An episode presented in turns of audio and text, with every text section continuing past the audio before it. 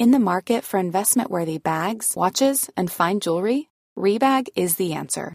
Rebag is a luxury resale platform where each piece is carefully inspected by experts to ensure quality and authenticity. Use Rebag to buy and sell finds from the world's top brands, including Louis Vuitton, Chanel, and Cartier. Head to Rebag.com and get up to 15% off your first purchase as a member with code REBAGNEW. Shop today at Rebag.com. That's R E B A G.com. And use promo code REBAGNEW for up to 15% off your first purchase as a member.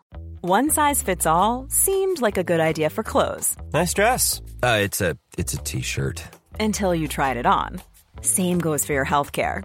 That's why United Healthcare offers a variety of flexible, budget friendly coverage for medical, vision, dental, and more. So, whether you're between jobs, coming off a parent's plan, or even missed open enrollment, you can find the plan that fits you best. Find out more about United Healthcare coverage at uh1.com. That's uh1.com.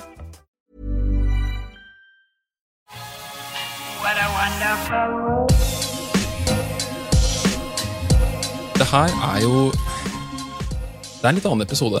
Normalt sett så sitter jo Øystein og jeg i et studio. Og i dag så sitter vi jo i form for studio, men det er ikke et studio likevel. Vi sitter i ei koie eh, langt inne i skauen bak Nannestad. Vi har en fuglehund som tasser rundt. Så hvis du hører noe som liksom knaker litt og, og tasser litt, så er det en seks måneder gammel gordonsetter som rusler rundt. Vi har vært ute og jakta i dag. Det knitrer litt i ommen. Vi har akkurat lagt litt omved i eh, en gammel gjøtulom her. Jeg vet ikke hvor mange kvadrat det er. Hmm. Dette rommet vi sitter i? Ja, Ti, kanskje? ja, akkurat passe stort. Ja. Det blir fort rotete. Uh, ja, altså Etter mine standarder er dette ryddig. Nei, Stemmen vi hører her, det er jo da stemmen til en person vi har hatt lyst til å ha på podkasten ganske lenge. Eh, og for dere som husker episoden vi hadde før sommeren med Amund Wold, så, så nevnte vi at Og Amund han er jo da en eh, landslagspadler som, som opplevde å få blodkreft, og gikk gjennom en forferdelig tøff behandling. Eh, og gjorde det kunststykket å komme tilbake igjen i, i verdenseliten etter det. Og da toucha vi innom at Amund han eh, har vokst opp med to brødre som også har vært toppidrettsutøvere. Og I dag så har vi med oss eh, eldstebror, Lars Christian Wold. Og, og da kan jeg Det er jo alltid sånn Skal du introdusere deg selv, eller skal, skal jeg få lov til å introdusere? Men jeg, jeg tar sjansen, jeg, Lars. Alltid veldig spennende når du intro, når, når noen andre introduserer. Ja, Spesielt når du gjør det. Hva har, du, hva har du fått med deg, og hva anser du som viktig? Nei, altså, Lars Christian han er eh, for mange kjent som eh, tidligere rekordholder av Norseman. Altså, han vant Norseman i 2017. Ja. Og, og, og kjørte Norseman Kan det stemme at det var åtte ganger? Ja. Ja. Og, og var jo, i den perioden han satsa, så var han jo eh, en av eh, Norges klart beste utøvere på langdistansetriatlon. Og for de som ikke er kjent med, med konseptet der, så er jo det da Ironman-distansen. Altså den som opprinnelig kom fra Hawaii. Du, du svømmer 3,8 km, du sykler 18 mil, og du løper en, en full maraton. Og Lars Forse, det var jo da Norseman-løypa, som går fra Eidfjord på Vestlandet og har mål på Gaustatoppen i Telemark. Eh, og veldig mange høydemeter, veldig mye vær, eh, og relativt tøff, eh, tøff løype. Og i dag skal vi dykke litt inn i eh, årene Lars satsa, og så skal vi snakke litt om livet ved siden av. Eh, opp- og nedtur med, med karrieren, og også kanskje touche litt innom eh, det som skjedde med bror Amund. Eh, og så skal vi rett og slett se litt, sånn som vi alltid gjør, se litt hvor samtalen går hen. Men, men eh, bare sånn Nå skal du få lov til å prate til slutt, Lars. Ja. Ja. Jeg, jeg, pleier å slippe til. til Ja, du- slutt. ja, du gjør det. Selv om du prater mye, så hender det jeg får sagt noe. Ja, hvor, hvor, er du, hvor er du i livet akkurat nå? Nei, det, det er jo det jeg satt og kjente mest på eh, når du presenterte meg nå, er at nå tar jeg på meg en hatt jeg ikke har hatt meg på veldig mange år. Eller Mm. veldig mange, det er jo alt er relativt, men det er noen år siden da. Nå er vi 2023, sist gang jeg hadde på meg denne triatlonhatten var vel i 2018. Mm. Um, så jeg er jo ikke der i livet i det hele tatt. Jeg har to barn. Jeg jobber som eh, jeg er psykolog i eh, Bufetat, eller det statlige barnevernet, om du vil. Um, og jobber med ungdom og miljøterapeuter som jobber med ungdommer. Um, så jeg, jeg er jo glad i å trene fremdeles, da. Det, det, det er jeg. Du har vært ute og trent i dag. Jeg har vært ute og trent i dag. Um, jeg er glad i å løpe. Svømme veldig lite. Eh, hender jeg sykler. Men jeg er ikke en triatlet lenger. Den hatten eh, den har jeg ikke hatt med. Mm. Um, Ja. Jeg må bare, Før vi går videre, Christian Mm. For, det, for det var det andre ting jeg hang meg opp i. Jeg kjenner jo deg veldig godt. Ja. Det, det, du kjenner meg også veldig godt. Er det et habilitetsspørsmål her, rett og slett? Nei, det gidder jeg ikke, å- det gidder jeg, å reflektere tenker vi at det, det, er- det er, det er rause lyttere her, er det ikke det? Ja, vi får på det. Vi er ikke politikere, tross alt. Nei, Heldigvis. nei. Men eh, eh, jo, jeg ble så imponert over måten jeg, jeg, det, er så, det er så deilig å bare høre på din beskrivelse av hvor vi sitter, og peisen og fuglehunden, og, og den presentasjonen. Så jeg bare tenker, fytti rakkeren, det her det her, eh, det her blir proft, altså. Mye proffere enn jeg er vant til. Ja, nå, Hvis vi spoler tilbake noen få minutter, så satt vi og spilte ukulele og gitar i, i sofaen og, og så litt sånn apatisk ut i rommet. Så det er klart at det, det er jo en, vi er, Man skrur seg på når man trenger å være det. Ja, jeg merker det. Du tok på deg ja, Siden vi snakker om hatter, da, så tok du, tok du, åpen- du tok åpenbart på deg en podkasthatt Ja, ja, ja. som du ikke har hatt før i dag. det er veldig deilig at du ikke har den hele tiden. da, Det hadde blitt litt slitsomt. Ja, det, det, hadde blitt, eh, det hadde blitt en veldig høflig samtale hele tida. Det er jo ikke det ellers. Men, eh, men la oss, la oss eh, hoppe litt inn i Vi skal snakke litt om triatlon, og så skal vi snakke litt om, om livet for øvrig. Det er jo det som er fordelen med å prate med psykolog, at man kan faktisk tillate seg å, å prate litt om livet. Og få noen litt gode betraktninger, forhåpentlig. Vi pleier å gjøre det med deg. Men, men la oss spole tilbake igjen. Det første året du var med på Norseman, kan det stemme at det var 2009? Um, nei. Nei. Det var 2010. Ja. Ja. Bommert allerede der. Men hva, Og du var 2011? Ja, det er helt riktig. Ja. Det er, eh, men hva, hva For det er jo Det fins like mange grunner til å drive med, med den type konkurranser som det fins utøvere, og masse forskjellige former for motivasjon og, og tilfeldigheter som gjør at du kommer dit. Men hva, hva var liksom din vei inn i triatlon? Ehm, eh, jeg har jo lyst til å komme med en eller annen sånn ehm, vakker forklaring på det, om at jeg hadde alltid hatt et kall osv., men det, var, det er ikke sant. Eh, Jeg, jeg var, eh, som veldig mange tenåringer, eh, opptatt av eh, å bygge en identitet. Og jeg tror litt av mitt prosjekt Jeg var på det tidspunktet fallskjermjeger. Eh, I det så ligger det jo, som de fleste fallskjermjegere, fleste som er i militæret, tror jeg I hvert fall jeg, da. Jeg skal snakke med meg selv. Jeg hadde en liten ambisjon om å eh, sant, bygge opp en sånn eh, tanke om at eh, jeg er eh, beinhard og uovervinnelig. eh, og en litt sånn udødelighets... eh, ikke sant? Sånn Ja. som jeg tror mange ungdommer har, da. Ja. før, før de møter livet Ja. sånn som det faktisk er. Så er det noe med ikke sant, Vokste opp på trygge vestkanten i Oslo og har tenkt nå skal, jeg, nå skal jeg virkelig få utfordre meg litt og kjenne litt hvordan det er å ta i et tak. Så, um, og så hørtes jo eh, Jeg var ganske lett påvirkelig på den tida, mer enn jeg er nå, velger jeg å tro. Så det var um, svogeren til kjæresten min, da, som nå er kona mi, um, som uh, nevnte sånn i forbifarten Jeg tror han syntes det var litt gøy at her har jeg en tenåring som er veldig lett å påvirke. Han er noen år eldre enn meg. eh, som sa sånn Du Norseman. Se der, Lars. Det er noe for deg. vet du. Det er verdens hardeste triatlon. Tror du du hadde klart det, eller? Og mer skulle det ikke til. Før jeg da Ja visst hadde jeg klart det. Det er klart jeg hadde klart det. Tror du ikke jeg hadde klart det? Hvor, hvor lenge var det her i forkant av løpet? Det var et, et år, kanskje, for da, da meldte jeg meg på um, Eller det vil si, jeg meldte meg ikke på. Det var faktisk uh, da Mari, kona mi, Ja. eller da kjæresten min, Ja. som meldte meg på mens jeg var i militæret. Um, da var det, hun sendte inn søknad, og så fikk jeg plass. og Det var jo bare flaks. Uh, og da var jo det kjøret i gang. Ja. Um, Men hvordan, hvordan var du rigga den gangen? Altså, for at eh, I dag, da, bare for å sette det i perspektiv, verdens Mm. beste triatleter i dag, de er jo veldig ofte tidligere svømmere.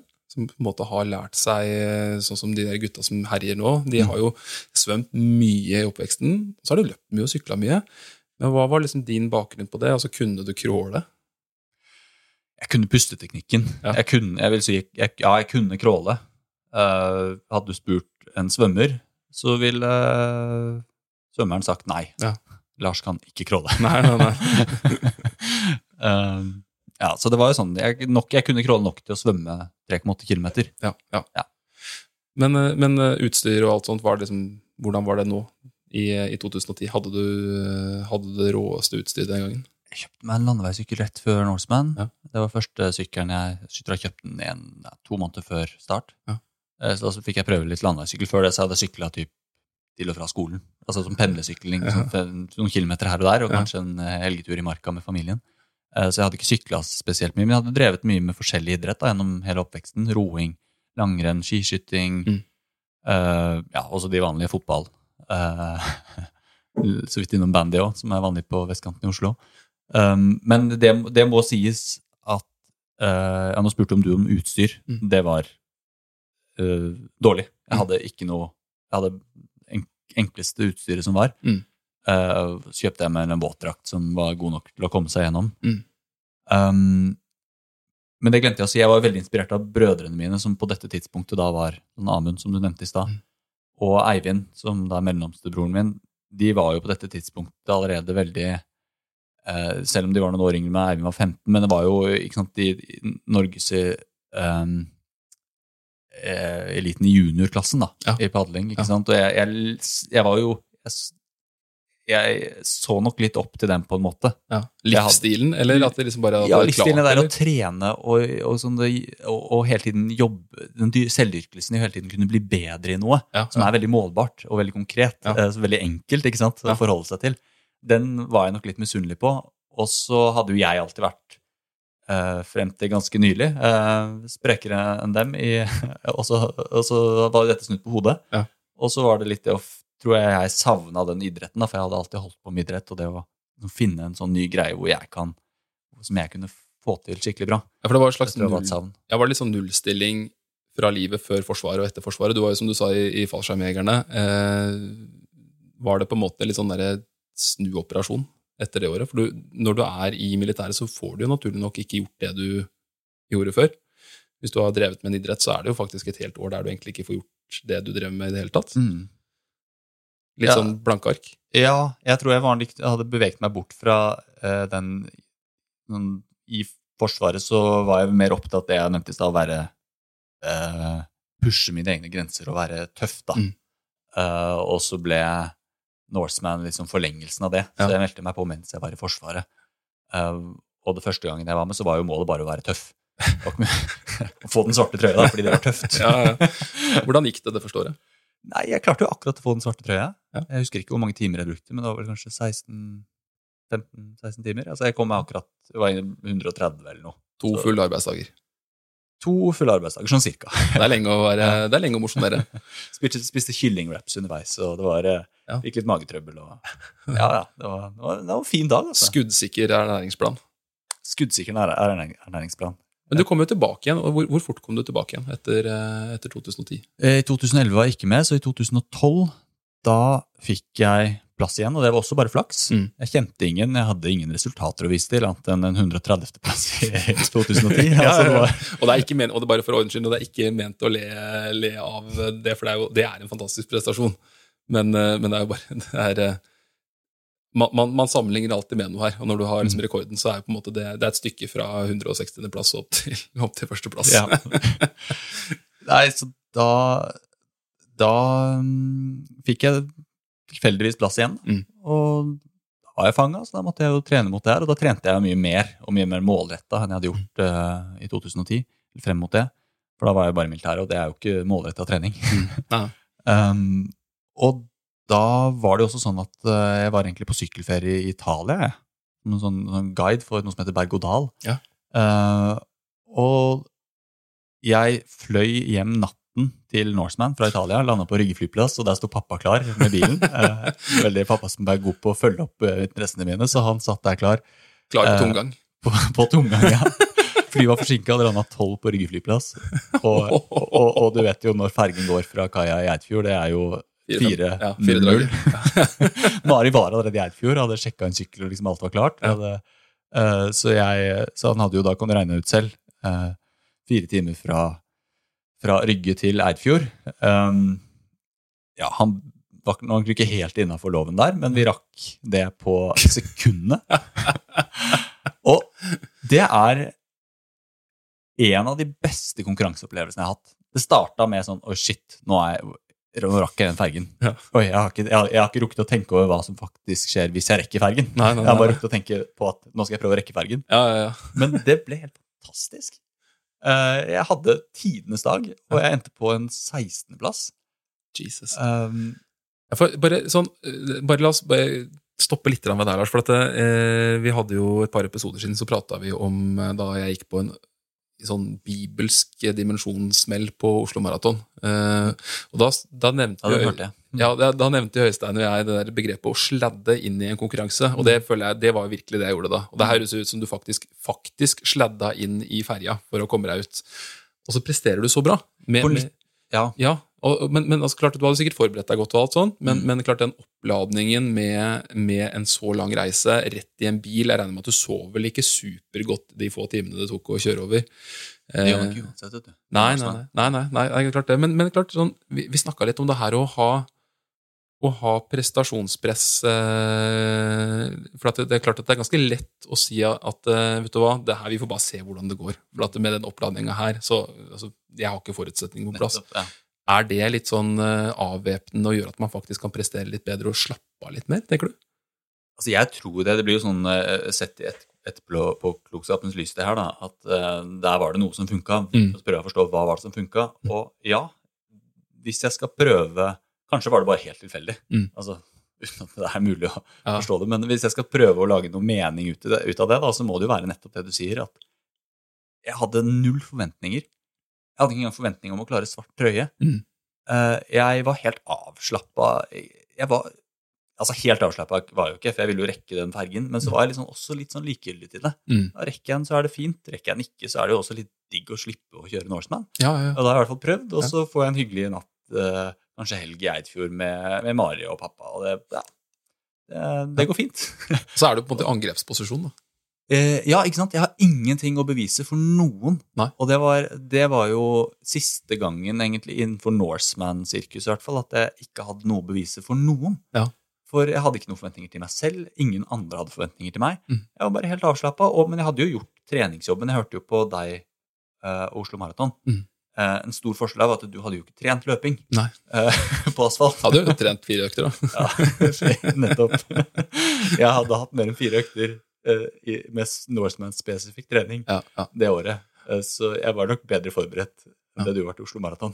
Men, men når vi snakker om forberedelser, Lars altså Jeg kjenner jo deg veldig godt. Og jeg tror at de som har liksom fulgt med de årene du satsa for fullt, de, de har nok også et inntrykk av at du er veldig profesjonell når du gjør noe. Og det er jo kanskje ting som skiller deg og meg litt også, også, at eh, du, du blir veldig intens. Jeg blir du- veldig intens. Ja, Mm. Det er jo en ting som kanskje også øh, kona di Mari har snakka om at hun var litt redd for da du meldte deg på Norseman også. At hun var litt redd for hvor det her kom til å bære av sted. Mm. Eh, for hun skjønte vel at eh, du kommer ikke, selv om du bare, bare skulle eh, bli med, i gåseøynene, Mhm. Så visste hun vel at det, det var en god sjanse for at det kom til å bli ganske altoppslukende. Og det ble det jo. Mm. Eh, var du på det tidspunktet her i gjennomføring nummer to liksom bikka over til at det her begynte å bli sånn som fylte deg opp helt? Nei, det var nok ikke før året etter. Ja. Var det den 16.-plassen som ga deg på en måte Ja, det var kicket. Det var kicket? Ja, Det skulle, da- Du skjønte at nå er jeg faktisk i, i, i posisjon til å kunne angripe skikkelig? Ja, jeg husker etter målgangen den 16.-plassen, så sa jeg til Mari eh, Da sa jeg til Mari at du, hvis jeg hadde gått inn Og da husker jeg ikke hva rekorden Da var, tror jeg det var første gang noen kjørte under 11 timer. Nei, det var ikke det. Det var da, det var da Henrik satte rekord, var det ikke det? Ja, Henrik det var det. Ja, Henrik gjorde en fantastisk løpetapp Ja. den gangen. Bare, det var et sånn paradigmeskifte. Ikke sant? Ja. Og under 11 timer, og jeg var eh, Jeg tror det var da 11-timersgrensa ble brutt, var det ikke det? Ja, det tror jeg det var. Og det, bare for ordens skyld, dette er jo da Henrik Oftedal, eh, som har kjørt Norseman mange ganger og, og hadde rekorden og vunnet to ganger. Han har også vært på podkasten her tidligere, og han har jo blitt, eh, blitt litt eldre nå, men er forferdelig sprekk Mhm. fortsatt. Han er spreking. Uh, og jeg husker jeg, hvordan jeg så på han da. Jeg bare tenkte fytti rakkeren, han er et, Han er bygd av noe annet Ja. enn oss andre. Altså, jeg hadde, jeg så, det var sånn, han hadde sånn gude... eh, jeg så på han som nærmest en gud, ikke sant? Ja, ja, ja. sånn semigud. Ja. Eh, men samtidig så var det en sånn faen som meg. og tenkte, og som jeg så sa til Mari, du, hvis jeg hadde virkelig jobba målretta med det her noen år, Mm. tror du jeg kunne vunnet og kanskje til og med slått den rekorden til Henrik? Mens frykten lyste ut av øynene på Ja, Mari. og Mari bare skjønte «Å, fytti rakkeren, altså, åh, Jeg vet at det her Du sier det, og det er bare ord, men det her kommer til å bli så mye mer. Og hun, hun var litt sånn, prøvde liksom avverge det litt, og jeg bare ja, nei, Jeg vet ikke, kanskje Det er umulig å si, det er umulig å si, Lars. Det er ikke umulig å si det, vet du. Det er bare å prøve det. Dette er kvantifiserbart. Eh, og så skal jeg ikke si det på en måte starta i det jeg sa det, så hadde jeg bestemt meg. Det var ikke så, så enkelt, men, men, det var nok det som var litt sånn Da var tanken satt da, i hodet på meg. Mm. Og, og, så bygde det seg gradvis opp. Du vet hvordan ting kan balle på seg. Mm. Uh, plutselig ikke sant, jeg trener litt mer kan gjøre, og kan gjøre litt det, det litt bedre. Mm. Kan tilrettelegge seg for trent litt mer der. Og så plutselig, så, før jeg vet ordet av det, så har det balla på seg til at det har tatt over livet mitt. Mm. Sånn er jeg litt. Uh, eller sånn var jeg i hvert fall. Jeg, jeg, jeg må jo si Du har de blitt, siste eh, årene, det kan vi komme kanskje litt tilbake Ja. til, men det er jo en større kunst. Slik jeg ser på livet nå, så er det en større kunst det du klarer, som du kaller Er ikke det du kaller å være en livskunstner? Gjøre ting, ikke sant? I, og ikke ikke, øhm, ikke drukne i det du gjør, men heller klare å gjøre det sånn med hodet over vann, og klare å gjøre flere ting Ja. eh, som gir livet mening på en gang. da. Ja, ja. Eh, som finner balansen, den gylne middelvei. Som, Aristoteles, ja, ikke sant? så, så det er eh, det, det tenker jeg egentlig er en viktigere kunst. Men jeg husker i, med det synet jeg hadde på livet da, som Hvor gammel var jeg? 21 eller noe? Mm. Uh, så var jeg nok litt mer eh, tanken om at nei, når jeg, når jeg først bestemmer meg for noe, Mm. da klarer jeg det. ikke sant? Mm. Ikke, det er ikke bare en dum tanke, det, men det kan jo også bli litt sånn altoppslukende. Og jeg gikk jo Mm. veldig inn i ting og har jo evnen til å bare fordype meg helt i det, på Mm. bekostning av uh, verden rundt meg. Jeg Mm. kan gå inn i en sånn boble hvor jeg tror at dette er alt livet dreier seg om. Mm. Um, og den bobla sprekker jo til syvende og sist, da. Eh, det uh, Men, men eh, fra, det, fra det året du da liksom, du skjønner at det her faktisk kan bli noe som er veldig, veldig bra Så det, på det tidspunktet her, påfølgende vår, så treffer jo du og jeg hverandre første gang.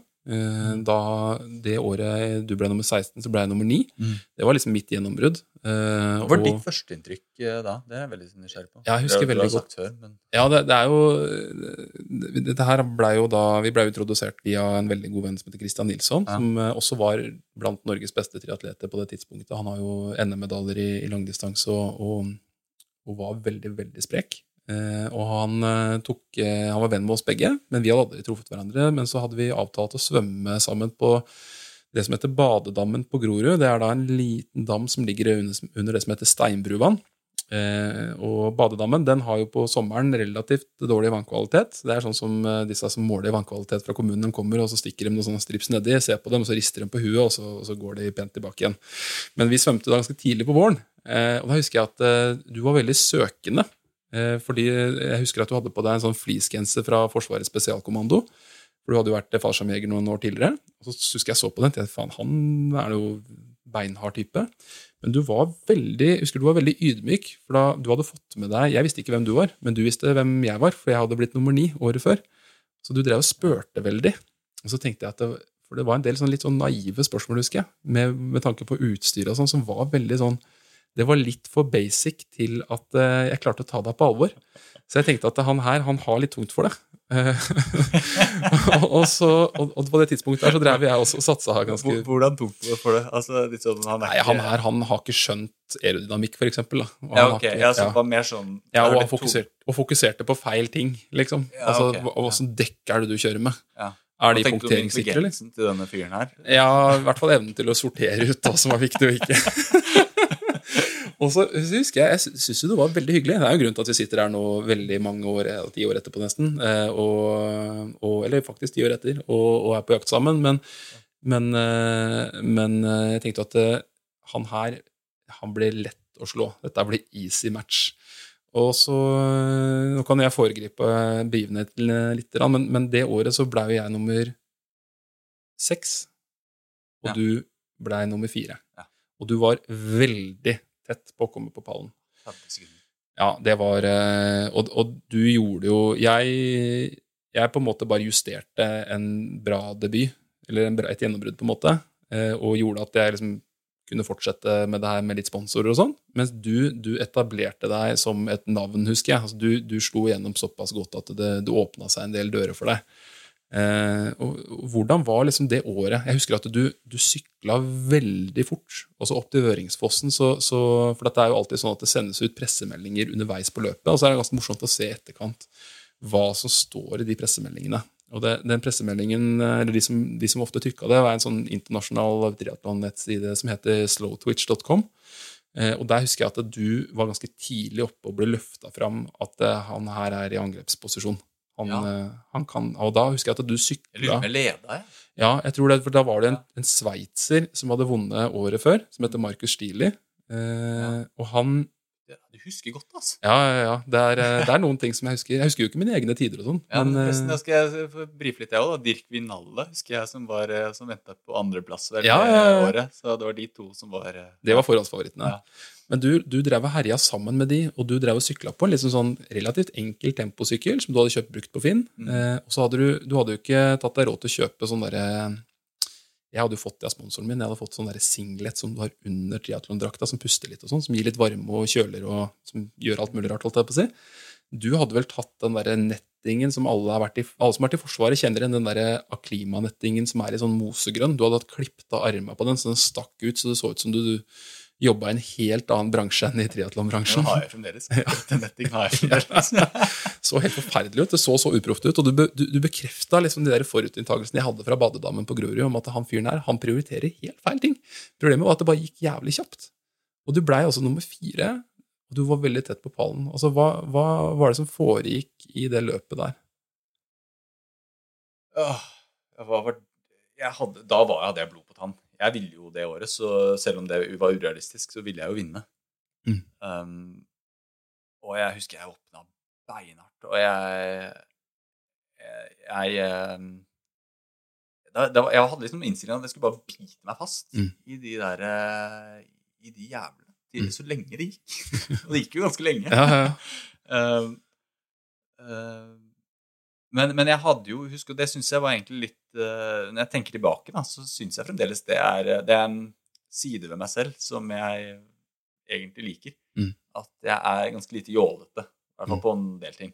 Så har jeg sikkert mine ting som jeg jålte på, men jeg er kanskje jålete i å være ujålete. Mm. ja, ja. Uh, og det var jeg da også. Jeg tenkte nei, det skal være praktisk. Jeg skal finne løsninger. Jeg skal ikke, jeg skal ikke, jeg skal ikke sykle med det som er kult, eller det som ser bra ut. Eller, og jeg har ikke tenkt å bruke penger på det. Nei. Jeg skal gjøre det som jeg syns er praktisk. Uh, og så, kan, så, kan, så driter jeg i hvordan det ser ut, Ja, ja, ja. hva andre, andre tenker om det.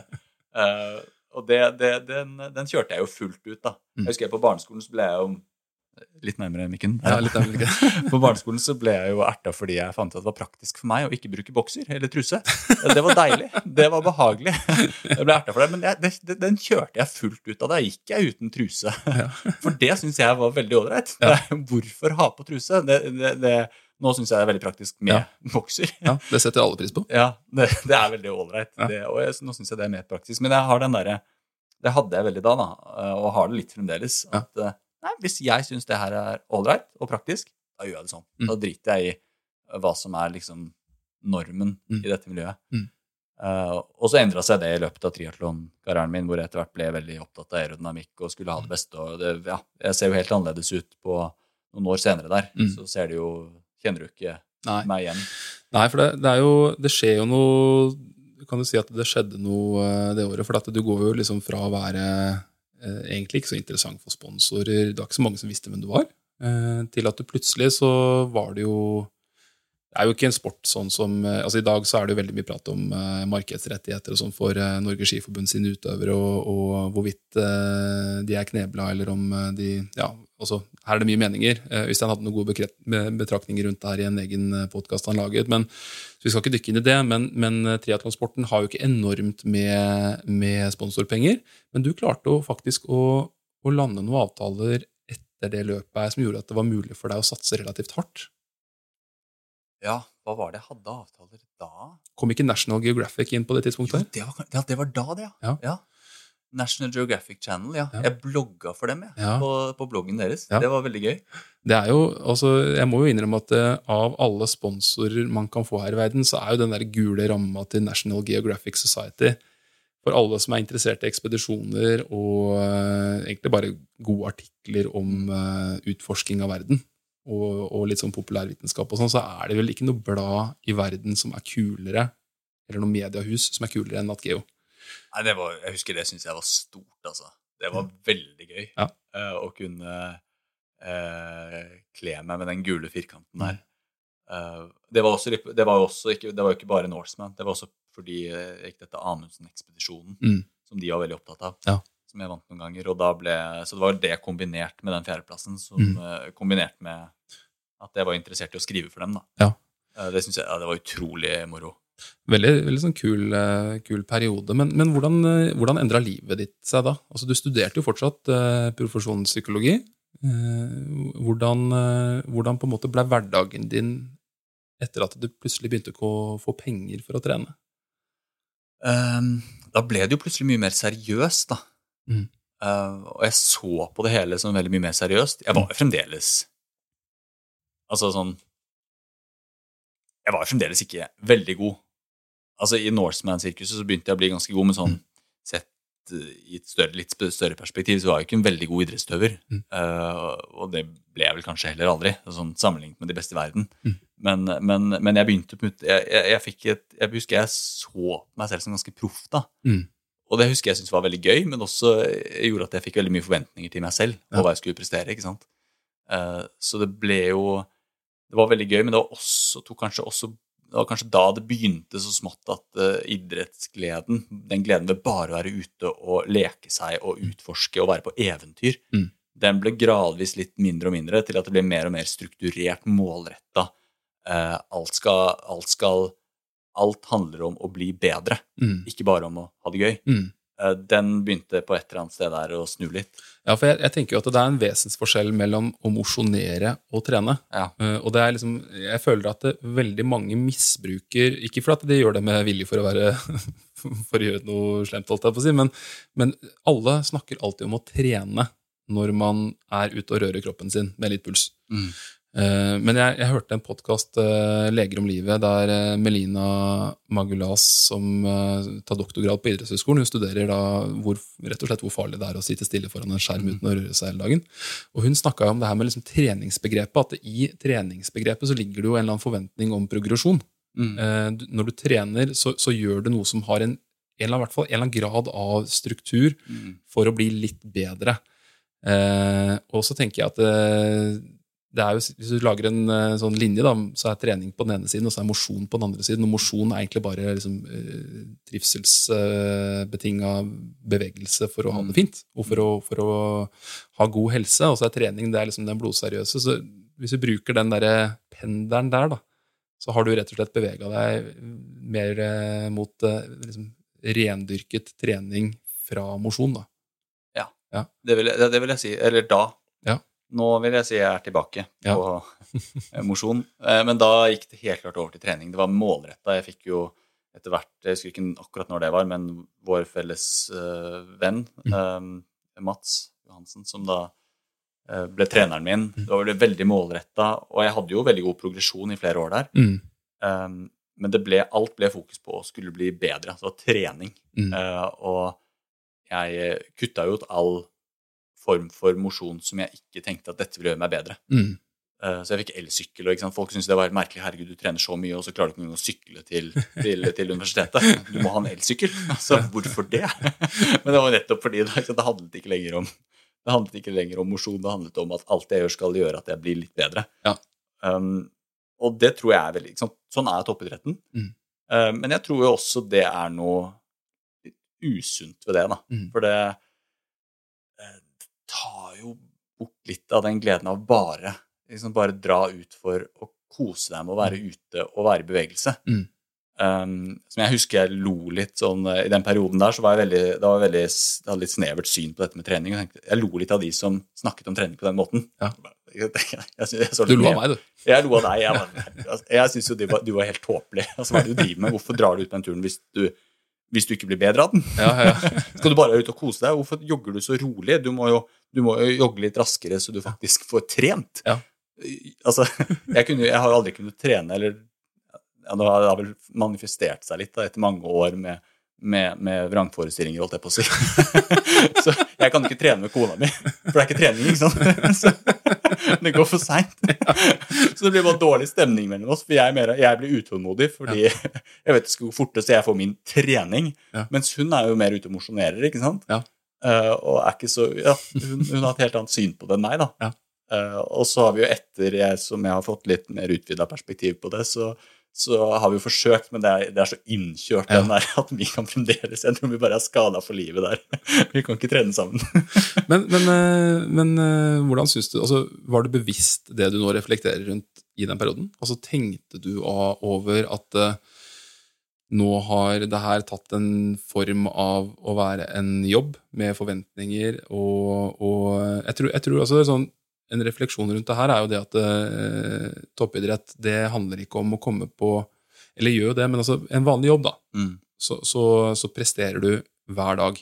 Du leverer fortløpende bort, altså De aller fleste jobber, i hvert fall, så leverer du et eller annet form for resultat hver dag. Mm. Du, eh, det er ikke sånn at det er én dag i året all jobben din skal eh, gå fram til. Noen jobber er jo det, eh, men de aller fleste, i hvert fall kontorjobber og servicejobber, og sånt, det handler om å være en god utgave av seg sjøl hver eneste dag. Da er det rom for veldig mye opp- og nedturer. Og du, som min venn Eirik pleier å si, så de betaler for gjennomsnitts-Christian. Mens på, når du er toppidrettsutøver på den måten der, da, så, så betaler du ikke for gjennomsnitts-Lars. Du betaler for eh, altså, summen av jobben du har gjort, og en del flaks på at du skal prestere optimalt på én eneste dag. Mm. Hvordan, hvordan syns du det var å gå fra liksom, å sladde inn med, med pappa Truls i siste liten og liksom være den som eh, skal på en måte bare overraske, og, og neste år å være han med avklipt uh, netting og litt sånn halvbra sykkel med litt sliten platehjul fra Campagnolo, til å plutselig ha sponsor, veldig fin sykkel, fint utstyr, sponsoroppdrag eh, og forpliktelser. Liksom, hvordan var det noen gang? Koste du deg med det? Eller, eller syns du det her var vanskelig? Ja, jeg husker ikke akkurat når det skifta Du, du stilte to spørsmål der. Det ene er jo om jeg reflekterte over den der overgangen Mm. fra mosjon til trening. eh, og den der eh, sånn veldig målretta fokuset versus den bare gleden av å være ute og trene. Mm. Um, og den skifta nok sånn gradvis. Og jeg tror da jeg var som mest opptatt av dette med forbedring, så hadde jeg reflektert Da var nok litt av refleksjonen rundt det borte. Mm. Men jeg husker at det var en overgang hvor jeg da i en periode før det var veldig opptatt av at det skal jeg kose meg med. Det skal være gøy, jeg skal være lystbetont, jeg skal kose meg med å være ute og trene. Mm. Til på et eller annet tidspunkt der snudde, og det ble veldig fokus på at alt skal være forbedring. Um, som kanskje i en periode ikke bare var eh, ikke sant, ikke, Kanskje ikke var det beste for å bli bedre heller. Nei. Fordi du tar jo bort noe av. Ikke sant? Det, det, det legger jo mye ekstra press Ja. på alt det jeg gjør. Og det går jo kanskje litt over til sant, det du spør om rundt neste gang jeg var med på men da hvor det var veldig press med forventninger. Jeg hadde Mm. sponsorer. Jeg, det ble mye mer profesjonalisert.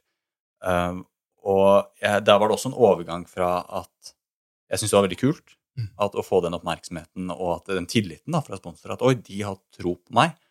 Um, heldigvis så leverte jeg også noe annet enn resultater. Jeg leverte jo et produkt, altså jeg leverte jo Mm. en, en, en, et, et ar stykke arbeid. Mm. Uh, hadde jeg ikke vært noenlunde god til å skrive på den bloggen, så hadde jo ikke villet ha meg Mm. som sponsorobjekt. Nei. Så jeg måtte jo levere noe. Uh, og det var også litt fint å kunne lene seg på det, at uavhengig av resultatet så har jeg levert noe til dem. Mm. Um, men det beveget seg gradvis over til at jeg ble Det ble jo veldig mye Jeg opplevde mye press, og jeg husker et eller annet sted i triatlonkarrieren Jeg husker ikke akkurat når, men så landa jeg på det at det hadde vært digg å bare kunne drive med det her helt uten noen sponsorer, noen Mm. som hadde noen forventninger eller fulgte med på noe av det jeg drev med. Mm. Eh, og, uten, og uten Instagram, uten sosiale medier, Mm. uten at noen fulgte med. Ja. Eh, det var sånn jeg Da jeg avslutta triatlonkarrieren, så var det min store drøm. Mm. Å bare kunne holde på helt i det skjulte. Bare stille opp på Bare stille opp, finne ut hvor god er jeg nå. Ja. Eh, og gjerne nyte å stå på pallen og sant, alt eh, det, det er jo, Jeg elsker jo den oppmerksomheten, Ja. eh, naturligvis. Um, men ikke den derre det der presset i sosiale medier og forventninger fra sponsor. Og det, mye av det presset la jeg på meg selv også. Eh, og det syns jeg var slitsomt etter hvert. ja. Ja, for jeg, tror, jeg tror jo sånn eh, Det her er jo litt sånn en vanskelig greie med at idretten er så profesjonalisert som den er nå. Og det gjelder jo, det gjelder jo veldig godt i den der eh, casen vi er oppe i nå med Skiforbundet og utøverne også, at eh, potensialet til å tjene penger er jo der. Eh, og klart at det, for, for noen år siden så var det jo faktisk ulovlig å tjene penger på idrett. Det er ikke så mange år skal tilbake, altså. Så blei det jo mange måter man endte opp med at man kunne tjene penger allikevel. Tor Gottaas har noen veldig fine historier om at de gutta som løp ned på Bislett, eh, på Bislett Games Mhm. på om det her var 70- eller 80-tallet, før det der eh, amatøridealet ble oppløst, så, så kunne arrangøren, for å få de beste utøverne, eh, så betalte de under bordet, men måten vi gjorde det på, det var at han kunne komme inn på en eh, fest kvelden før, der alle utøverne var, og så kunne han si til han eh, beste utøveren som gjerne skulle ha litt penger, at eh, du, jeg vedder 5000 kroner på at du ikke klarer å hoppe over den sofaen der. Jeg vedder imot, sier han, og så hoppa han over, og så fikk han 5000 kroner, ikke sant? Og, det var en helt annen greie. Men, eh, men det er jo liksom den der vanskelige biten med at eh, for å kunne satse, så må du faktisk levere et produkt som egentlig ikke handler om å bli bedre i det hele tatt, snarere tvert imot kanskje gjør at du blir en dårligere utøver. Mm. Eh, Du, nummer én, du lente deg vel veldig mye på Instagram, som var liksom det største mediet for den type synlighet den gangen. Mm. I dag så hadde det sannsynligvis vært TikTok eller Snapchat. Mm. Eh, glad du slapp det. Eh, Ja, det har jeg. Nå bruker jeg nesten ikke Instagram og har ikke TikTok eller Snapchat. Jeg har fått sånn allergi mot sosiale medier. Ja, for det, jeg husker jo at du og kona di dere var jo liksom et slags sånn mediateam sammen, men dere brukte veldig mye tid på å finne ut hvordan disse algoritmene funka, og, og liksom riktige hashtagger, når på døgnet man skal legge ut bilde, eh, like enkelte typer bilder. Altså dere, dere, dere jobba jo sånn som Ja, jeg ble jo veldig god. Vi var jo virkelig sånn team rundt hele Ja. opplegget. Altså hele den satsingen min. Ja. Det var jo team jeg og kona mi. Hun ble veldig god på det der. Ja, og det, det er jo liksom Det er en fin ting med det her også. At det, Mari ble jo ikke så synlig, men Mari også var jo en del av, av, eh, av satsinga di. Det var jo på en måte Team Vold. Det var jo eh, en sånn totalpakke, og det er jo også en ting som liksom kanskje får litt, litt oppmerksomhet mange ganger. At det er jo eh, Bak en god utøver så er det veldig ofte en eh, partner og barn og foreldre og folk som stiller opp. da. Men eh, tenk liksom bare på alt, alt det du gjør rundt. da. Alle de tingene som tross alt gjør at du får sponsorer. Jeg er jo markedsfører og kommunikatør sånn ellers, så jeg jobber jo med å blant annet følge opp sponsorater fra, fra den siden. Mm. Og jeg ser jo at de forventningene vi har på, på de vi sponser, det er jo ting som gjør at de må flytte fokuset vekk fra det som er core for dem, nemlig å prestere, Mm. eh, til å skape veldig høye forventninger til seg sjøl ved at de eksponerer seg veldig. Så det er, det er et paradoks. Det er et paradoks. Vi snakket jo litt om det tidligere her, at, eller utenfor opptak. Ja. at det var jo, idretten var jo på mange måter mer sjarmerende før. Jeg syns i hvert fall det. Ja. Nå er det jo eh, altså det å ha, Du har en jobb, du har et liv, og så, og så driver du med idrett, denne lidenskapen på siden. ikke sant? Disse, disse tom, tømmerugerne som Tor Gottaas snakker om. Ikke sant? Det, er jo, det, er jo, det er jo uridretten. Ja. Det virkelige, det virkelige eh, Altså tenk på, Du snakka om i stad liksom det å komme ut fra, fra fallskjermjegerne og liksom skulle prestere og vise at man er tøff. Ja. Og så er det liksom sånn, man, Men man, man blir ganske spinkel sammenligna med disse her gutta som gikk liksom på ski fra Trysil og inn til Oslo. Ja. Og så gikk de femmila, og så gikk de tilbake igjen. Det er liksom. noe annet. Jeg syns det er Det, Det er det, er det har en høy stjerne hos meg, altså, Ja. de gutta der. Levde på flesk, sukker og Ja. sprit, liksom, og, så, og, og, og overlevde. jeg syns det er veldig, Men, veldig, eh, veldig tøft. Men eh, ja, For nå er det jo mer Nå handler jo idrett så mye om å eksponere seg, være synlig, eh, sant, markedsføring og tjene Mm. penger. Og det handler jo veldig ofte om noe annet enn idrett. Det Ja. fort mer om penger og synlighet enn idretten. Ja. Eh, de, ja, de, de, drømmen hadde jo vært å kunne bare drive med idrett uten, uten alt det der. Ja. Um, men, eh, men så har du jo sant, Den andre klisjeen er jo eh, ikke sant, eh, trebarnspappaen som Mm. ofrer all fritid til å trene for å gjøre det bra i Birken. Som, som på en måte er dagens tømmerhuggere, kanskje. da. mm, ja. men som jeg heller ikke syns er Det er jo heller ikke et liv jeg har lyst til å leve. Nei. Nei, og det, jeg tenker så, det, er, det er egentlig en sånn fin avrunding av å snakke om karrieren din, Lars. Også, for at du blir jo pappa på et tidspunkt. Eh, nå er du far til to. Eh, men eh, det siste året du satsa, så var du jo eh, far til, til Kaja. mm. Eh, og du I 2017 så satte du rekord på Norseman. Husker du hva rekorden var på? Uh, i 9.52. Jeg var første, førstemann under ti timer. Ja. Så det var jo fantastisk gøy.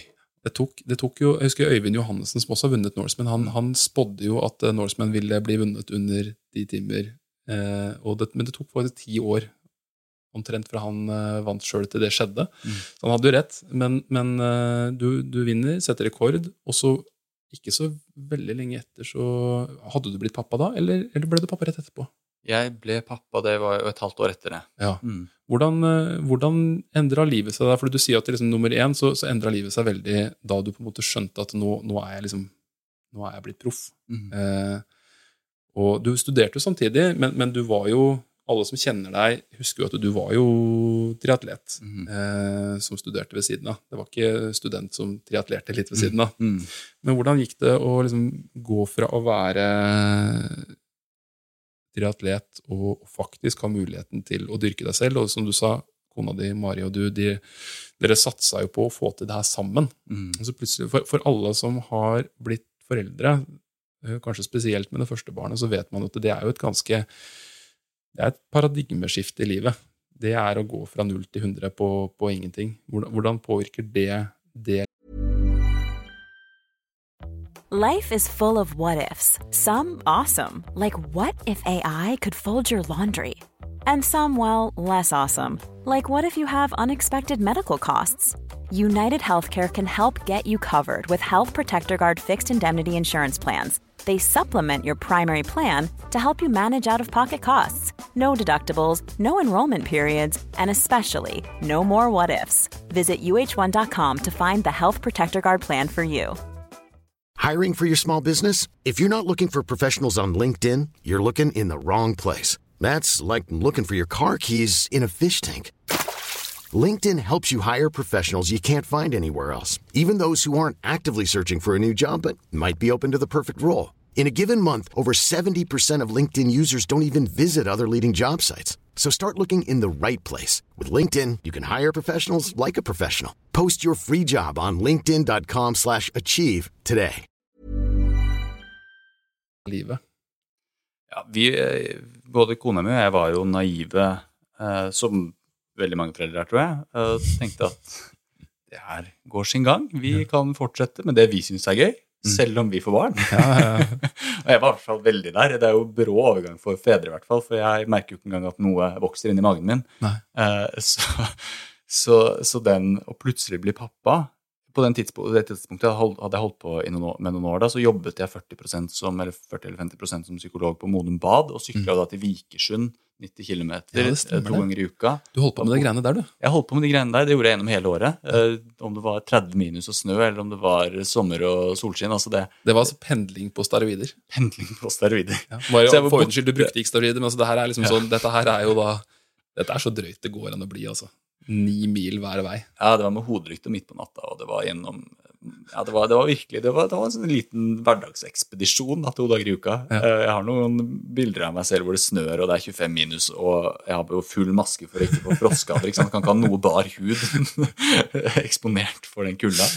Um, og da uh, det, For poenget var jo at det var, jeg fortsatte, fortsatte jo med alt det her. Mm. En, en stund etter jeg ble pappa også. Mm. Var borte to dager i uka, fortsatte med den pendlingen. Eh, fortsatte å satse og holdt på og var veldig opptatt av, av idretten. Samtidig som jeg hadde en tanke om at ja, men jeg, skal jo også, jeg, har jo, jeg vil jo også være en pappa som er til stede, familiefar, være del av dette familielivet. Så det ble en sånn der indre konflikt der, da, hvor jeg både jeg skal prestere som idrettsutøver, jeg skal fortsette med det, det skal jeg klare, Mm. og samtidig skal jeg klare å være den pappaen jeg har lyst til å være. Mm. Og det går jo ikke opp, ikke sant. Mm. Eh, I hvert fall det livet jeg levde der, det fokuset. Jeg, som nevnt, ikke sant, jeg har ikke vært kanskje eh, måttet lære meg å bli en bedre livskunstner, som er kanskje det å klare å finne den gylne middelvei og klare å ha fokus på Mm. flere ting om gangen. Mm. Og det klarte ikke jeg da i det hele tatt, så jeg måtte jo lære meg å leve på nytt, eh, følte jeg. Um, eh, eller det gikk jo, det var en sånn gradvis overgang, hvor jeg Mm. til slutt fant ut at selv om jeg var i den beste formen jeg har vært i hele mitt liv det året der, etter etter Kaja ble født, eh, 2018, men jeg klarte ikke å prestere på noen konkurranser, selv om jeg gjorde det dritbra på trening. Ja, det er jo en sannhet med uh, modifikasjoner. Du ble vel nummer tre på Norseman det året, gjorde du ikke? Jo det, jo, det ble jeg jo, men altså, alt er jo relativt. ikke Ja. sant? Jeg, jeg presterte langt, langt, langt under evne det året. Ja. Jeg var skada før start, og jeg, kunne nest, jeg, jeg var jo nærmere å bryte enn å ende på en tredjeplass. Ja. Uh, så, så det var jo Jeg klarte jo ingenting sammenlignet med det jeg fikk til på trening det Mm. året der. For jeg klarte ikke å styre når jeg var i form, og Nei. jeg mista kontrollen over Mm. og pri, det å prikke inn formen. da. Det var helt tilfeldig. Noen dager var jeg plutselig i form, andre dager var jeg ikke. Eh, Noen ganger, Og så var jeg hele tiden den der, der dårlige samvittigheten mellom å enten ikke trene nok eller ikke være nok til stede Mm. med familien min. Mm. Og det holdt jo ut i Jeg fant jo ut etter noen måneder at det her går ikke lenger. Jeg må velge. Mm. Um, og da uh, valgte jeg jo uh, selvfølgelig å satse videre på Norseman. Så eh, Nei, vet du. jeg gjorde ikke det. Jeg, Eh, jeg valgte jo å bli, bli, bli pappa for alle penga. Ja. eh, Og fikk meg vanlig, full vanlig jobb som psykolog og gikk over i, den, i det livet. Men det var å lære på, leve på nytt, altså. For da må jeg to, ta meg av meg den der Norseman-hatten, idrettshatten, og putte på en helt ny en og finne ut hvordan skal jeg finne meg selv i det her. Hvordan ser den ut fysisk, den idrettshatten? Er det, Den idrettshatten er det som golfcaps? Hvordan ser den ut? Uh, jeg tenker den, er, den er mer um, uh, Jeg, jeg ser for meg, altså For alle som har drevet med triatlon, så er det sånn at det var en periode som alle som Jeg ser for meg mer sånn derre med sånn der, sånn, sånn, sånn kondomdress som er bare forlenga over hodet. tenker jeg. Og så er hatten egentlig bare sånn Sånn skøy- Ja, skøytedrakt. ja skøytedrakt, egentlig. Da den også dekker ansiktet, så det er bare sånne øyne og munn. Fantomedrakt. Fantomedrakt. Det, det er idrettshatten. Nei, beklager, måtte, den, den hatten ble nevnt litt for mange ganger. Men, men, men det, er jo, det er jo akkurat det du sier nå, Lars. Det er jo liksom at du, du prøver å splitte fokuset ditt ganske lenge eh, en sesong. Mm. Og så må du ta liksom litt oppgjør på hvem er det jeg ønsker å være. Hva er det jeg ønsker å liksom ha fokus på. Mm. Og så er det jo eh, du, Vi lo jo da du sa at du Selvfølgelig begynte jeg å fortsatte jeg å satse, liksom. Men, men, men faktum er at en del gjør jo, splitter jo fokuset sitt veldig lenge. Mm. Eh, Og det gjelder jo ikke Glem ordet idrett. Det er, det, dette gjelder alle former for karriere. Og veldig mange innenfor næringslivet, eh, egentlig offentlig sektor og sånn også, velger jo å satse på karriere eh, og gå på akkord med, med familien sin og barna sine og, og tar jo på en måte og velger det. Og, og det er klart at noen i samfunnet som skal ha liksom Noen må jo i en viss grad satse litt eh, ekstra også, og ta en for laget, holdt jeg på å si, men du, du prioriterer jo familien din. Mm. Eh, Når det er sagt, så øh, til alle øh, Jeg, jeg Ja, til alle idrettsutøvere som kjenner at ja, men jeg får til den kombinasjonen her. Mm. Det, det, det kan godt være. Mm. Det er bare jeg fikk Nei. det ikke til. nei da. Eh, og så kjenner ja, jeg kjenner jo sånn som uh, husker, eh, ja, Nei, jeg skal ikke gå i detalj på det, men jeg bare, det er sikkert det folk som får det til. Jeg fikk det Ja. ikke til.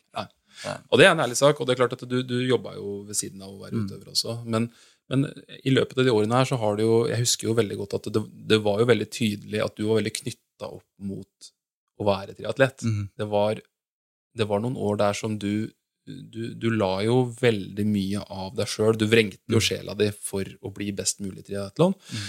Og du var jo, du klarte jo, det skal du ha, du, var, du klarte fortsatt å være en interessant fyr. Eh, ellers så hadde du ikke hatt så mange venner, for det er jo en, det er jo en veldig egoistisk periode av livet. Mm. Eh, eller egosentrisk, eller altså, jeg vet ikke helt hvilket ord som beskriver det best, men du, du tenker mye på deg selv og hvordan du selv skal bli best. Ja. Eh, å gå fra det derre prosjektet som Og jeg tror alle som kjenner det der, har jobba lenge med noe og identifisert seg med noe, de, de kjenner liksom at hele prosjektet fyller deg opp og gir deg Mm. veldig sånn tydelig retning i livet. Ja. Det er veldig deilig å være i en prosess. Men når du da kutter den Og jeg, jeg, jeg husker jeg var litt overraska over at du satt strekk. Du var vel i USA og kjørte et løp der? Det var vel da du liksom ja. Det hang jo også sammen at alt, ingenting gikk jo Ja. min vei det året der. Ja. Men jeg, jeg, jeg tenkte liksom at du kom til å fortsette en stund til. Ja. Men, men hvordan var den tida etterpå? Var det behagelig, eller var Etter det jeg slutta? Ja. Uh, nei. Det var ikke behagelig, for jeg savna noe Jeg savna jo det der veldig sånn konkrete, målbare. Uh, den selvdyrkelsen. Mm. Uh, det å kunne, kunne skape mening i hverdagen sin bare ved at har jeg gjennomført dagens økter på en god måte, Mm. da, er dagen, da er dagen meningsfull. Mm. Og så måtte jeg lære meg Og det, det er en veldig sånn, egentlig veldig sånn enkel måte å Veldig fikst. Veld, det er veldig fikst, ikke sant? Det er en veldig sånn enkel måte å skape mening på, for det, er, det skal være målbart. Um, og tar jo kanskje da litt bort opplevelsen bare ved å sånn, det er veldig lite mindfullt, om du vil. Ja, ja. veldig lite til stede. veldig lite Ja. uh, det, det, det skal måles, og skal, ting skal forbedres. Uh, og jeg hadde jo en virkelig overgang der med å klare å ta, legge det bort, Mm. og klare å være fornøyd med å være til stede med familien. Klare å eh, også finne en litt sånn ny identitet. For jeg, som du sa, jeg, mye av identiteten min var jo knytta til triatlon. Jeg husker jeg var på en eh, for, som, en- som, som en sammenligning, da, for det er jo en overgang. Jeg syns det var veldig tøft. Og for, som sammenligning så hørte jeg en gang eh, Jeg hadde en, eh, for, hørte et foredrag av en veldig dyktig psykolog som heter Semir Papovats, hvis jeg tror jeg uttaler det riktig, som, som er veldig god på det her med hvordan det er å være eh, oppleve å være flyktning i et nytt land.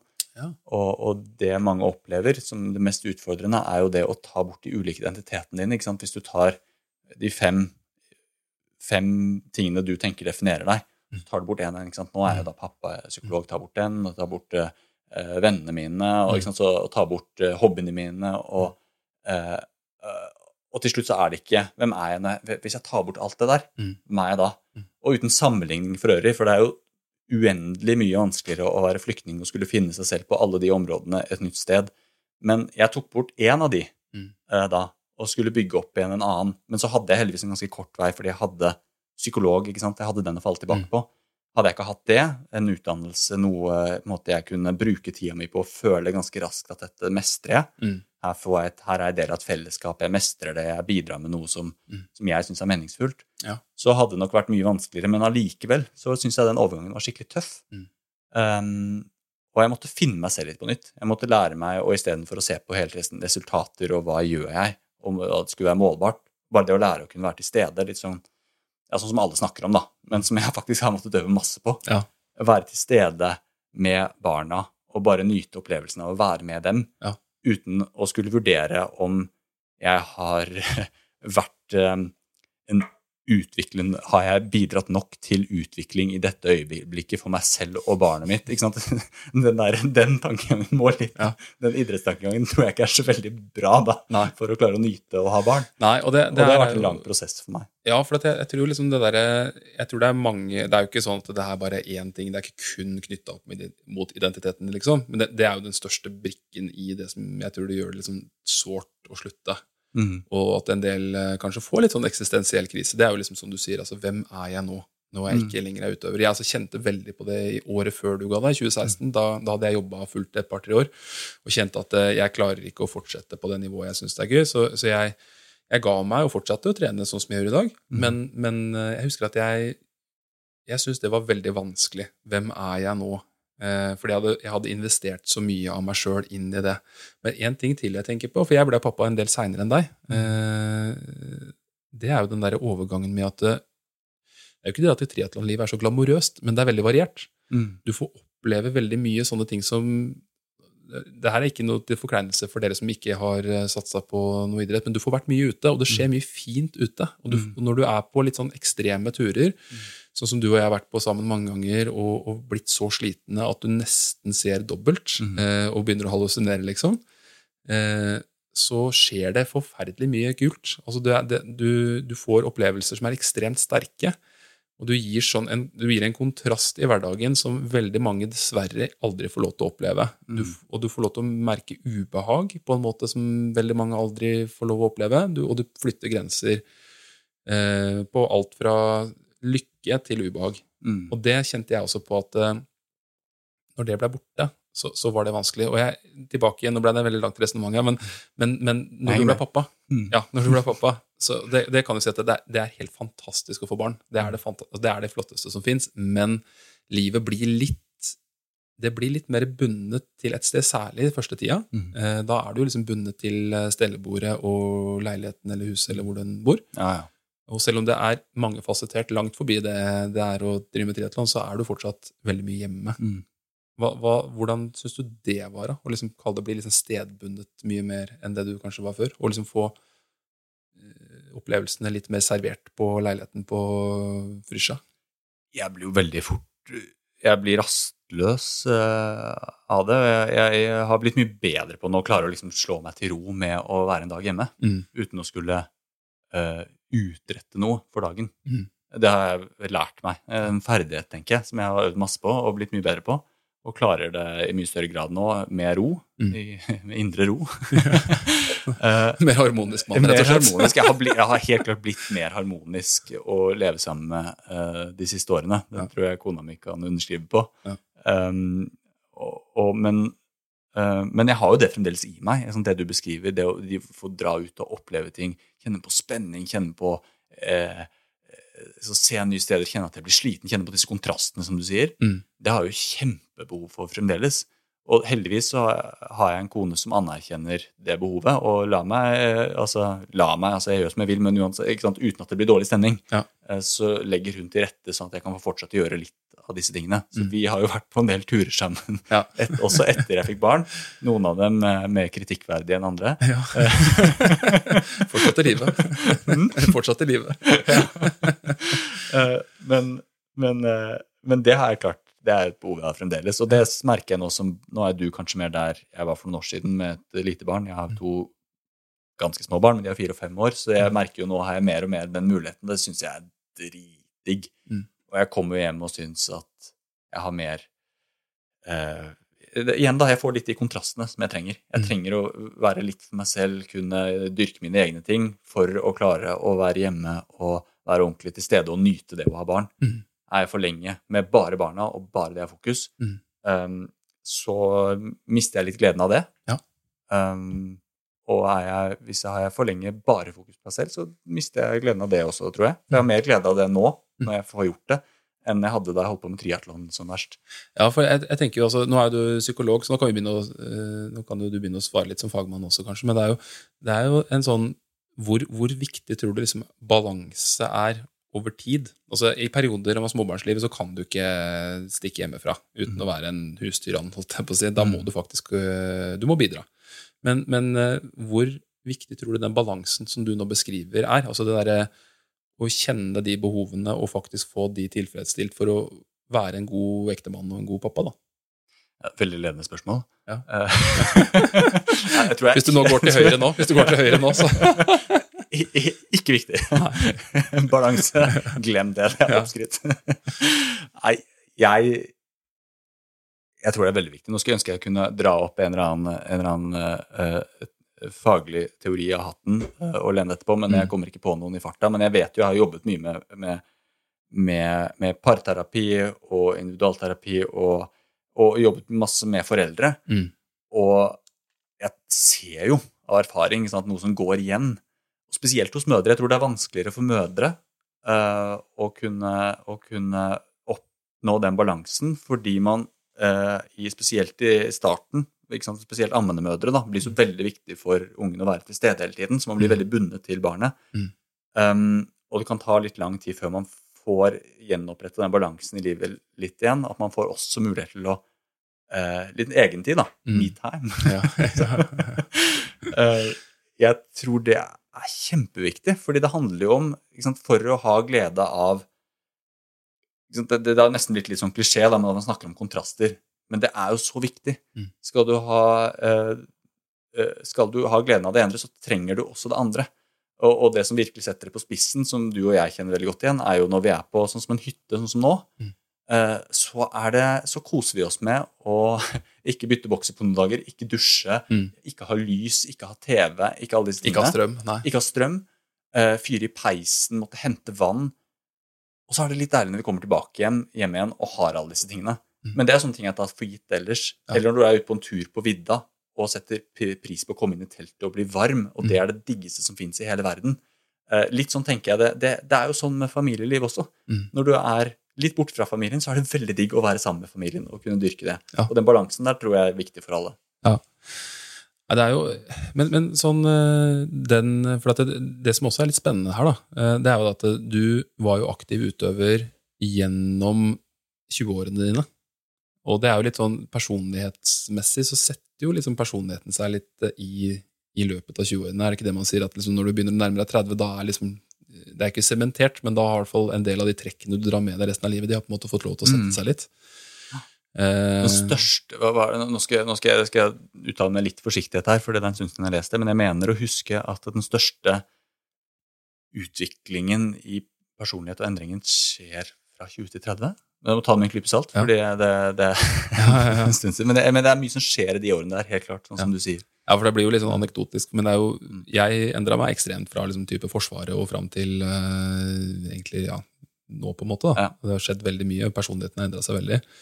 Eh, men det som jeg, jeg lurer litt på, er litt den derre Hvis vi spoler litt tilbake igjen til Vi, vi drev og tulla litt med da du ble lurt med av uh, svogeren din eh, på å bli med på Norseman første gang. Så humra han litt, og så, og så var det at Mari satt der med litt sånn frykt i øynene sine. For hun skjønte at du kommer til å bli veldig intens på der. Eh, og gjennom de årene så har du nok liksom Du har jo forandra deg veldig fra du la opp, men, men samtidig så merker jeg jo fortsatt at det, det er en del trekk som gjør at du sannsynligvis blei veldig god. At du evner å fortape deg inn i et prosjekt og, og, og se veldig detaljene, og, og faktisk orke å stå i og, og endre de tingene som må endres, og velge bort de tingene som må velges bort, og liksom prioritere riktig. eh, langt forbi det jeg i hvert fall orker og klarer. Eh, hvordan syns du det har liksom vært etterpå? For jeg, jeg har jo et eksempel, Lars. Jeg kan kanskje ta det først. Ja, jeg gjør det. Ja, det var jo, Jeg husker at eh, da vi satsa, så drev jeg jeg, og, jeg har vært veldig glad i å dyrke tomater og agurk. Hele livet mitt. Jeg vokste opp med at pappa og mamma og bestemor de hadde drivhus. Og mitt største mål med å få enebolig det var å kunne sette opp et drivhus i hagen. Der prata jeg veldig mye om. Og, og mens vi har bodd i leilighet og rekkehus, så hadde vi alltid tomater og sånn ute på, på terrassen. Og husker jeg at du, du var nesten sint for at jeg gadd å gjøre noe så dumt som å drive og dyrke tomater og agurk. Altså, Hvor mange agurk det du får, da? Det er kanskje ti da, i løpet av sommeren. Ti stykker! Og du vanner hver dag og kniper villskudd og gjødsler, og det er, det er jo det dummeste jeg har sett. Og så, og så da du la opp, så kjøpte dere dere hus etter hvert, og så hadde dere jo sånn der vinterstue som egentlig er en sånn basically en drivhus. da. Og så husker jeg at du begynte å spørre litt, ja, om tomatdyrkingen, hvordan det du gjorde det igjen? Og så hadde du kjøpt deg noen sånne murebøtter og begynt å dyrke tomater og agurk og sånn. Og så tenkte jeg, så deilig. For første gang nå på veldig lang tid så har jeg litt overtaket på Lars. Jeg veit mer om dyrking av grønnsaker på friland og i drivhus enn det han kommer til å lære seg. Men så burde jeg jo bare tenkt meg om litt hva er det jeg egentlig sier nå. For det tok nøyaktig en og en halv dag. Da hadde du researcha og lest og spurt og, og funnet noe gartnere du kunne spørre. Og i løpet av en uke så satsa du på tomat og agurk. Har du noen refleksjoner rundt det her? Hva har du å si til ditt forsvar? Eh, jeg har noen refleksjoner rundt det der. Jeg har jo, altså Én side av det er jo at jeg tror jeg har en egen evne til å bli veldig eh, monoman. Eh, Jeg går veldig inn i ting. Nesten litt sånn autistisk. Jeg har lest en, lest en, en kort studie om det også. at det er jo det, det er jo det, der, tror jeg, det er faktisk mer typisk menn, det der. Å bli sånn veldig opptatt sånn. Jeg tror mange menn kan kjenne seg igjen i det. Og så er det helt klart damer som også kan det, men det er mer typisk menn. Ja. Og så det, var det noen forskere som så at det, det var en sammenheng mellom det og eh, autistisk trekk. og at for autism, eh, Har du autisme, så kan du også bli veldig, veldig opptatt av ting. da. Ja. Og at det er også flere menn da, eller gutter som får autisme, som, eh, som har autisme enn en damer. Og at det var noe med den mannlige genetikken som gjorde at man var mer disponert for det her. Det som, men, det, men, men eh, det er nok bare en liten del av det. At jeg, jeg har nok litt anlegg for det. Ja. Eller liten, stor, jeg vet ikke. Mm. Men en annen del av det som jeg har tenkt mer og mer på i det siste, er at jeg tror også det handler om en liten sånn fluktstrategi for meg. Noen psykologer ville kanskje kalt det manisk forsvar. eller Altså at når man, når man eh, kjenner på at nå er det ting i livet som er litt vanskelig å forholde seg til, og som er, som, å bearbeide, så er det lettere å, flytte flykte fra det. Ja. Og det er jo veldig naturlig å gjøre noe som jeg allerede er god på, og det er å fordype meg i et eller annet. Mm. Um, og jeg tror for min del så tror jeg også det har blitt litt sånn forsvar når jeg syns livet er litt vanskelig. Mm. For det her var jo under pappaperm. Eh, det var en periode hvor broren min nettopp eh, eh, det var Den eh, tomatdyrkingen var vel også da broren min var, hadde kreft. ikke Ja. sant? Nettopp hadde Det var ganske Nettopp vært veldig, veldig syk. Ja. Um, så jeg tenker tilbake på nå, og jeg ser også alle disse periodene hvor jeg har gått- veldig inn i ting.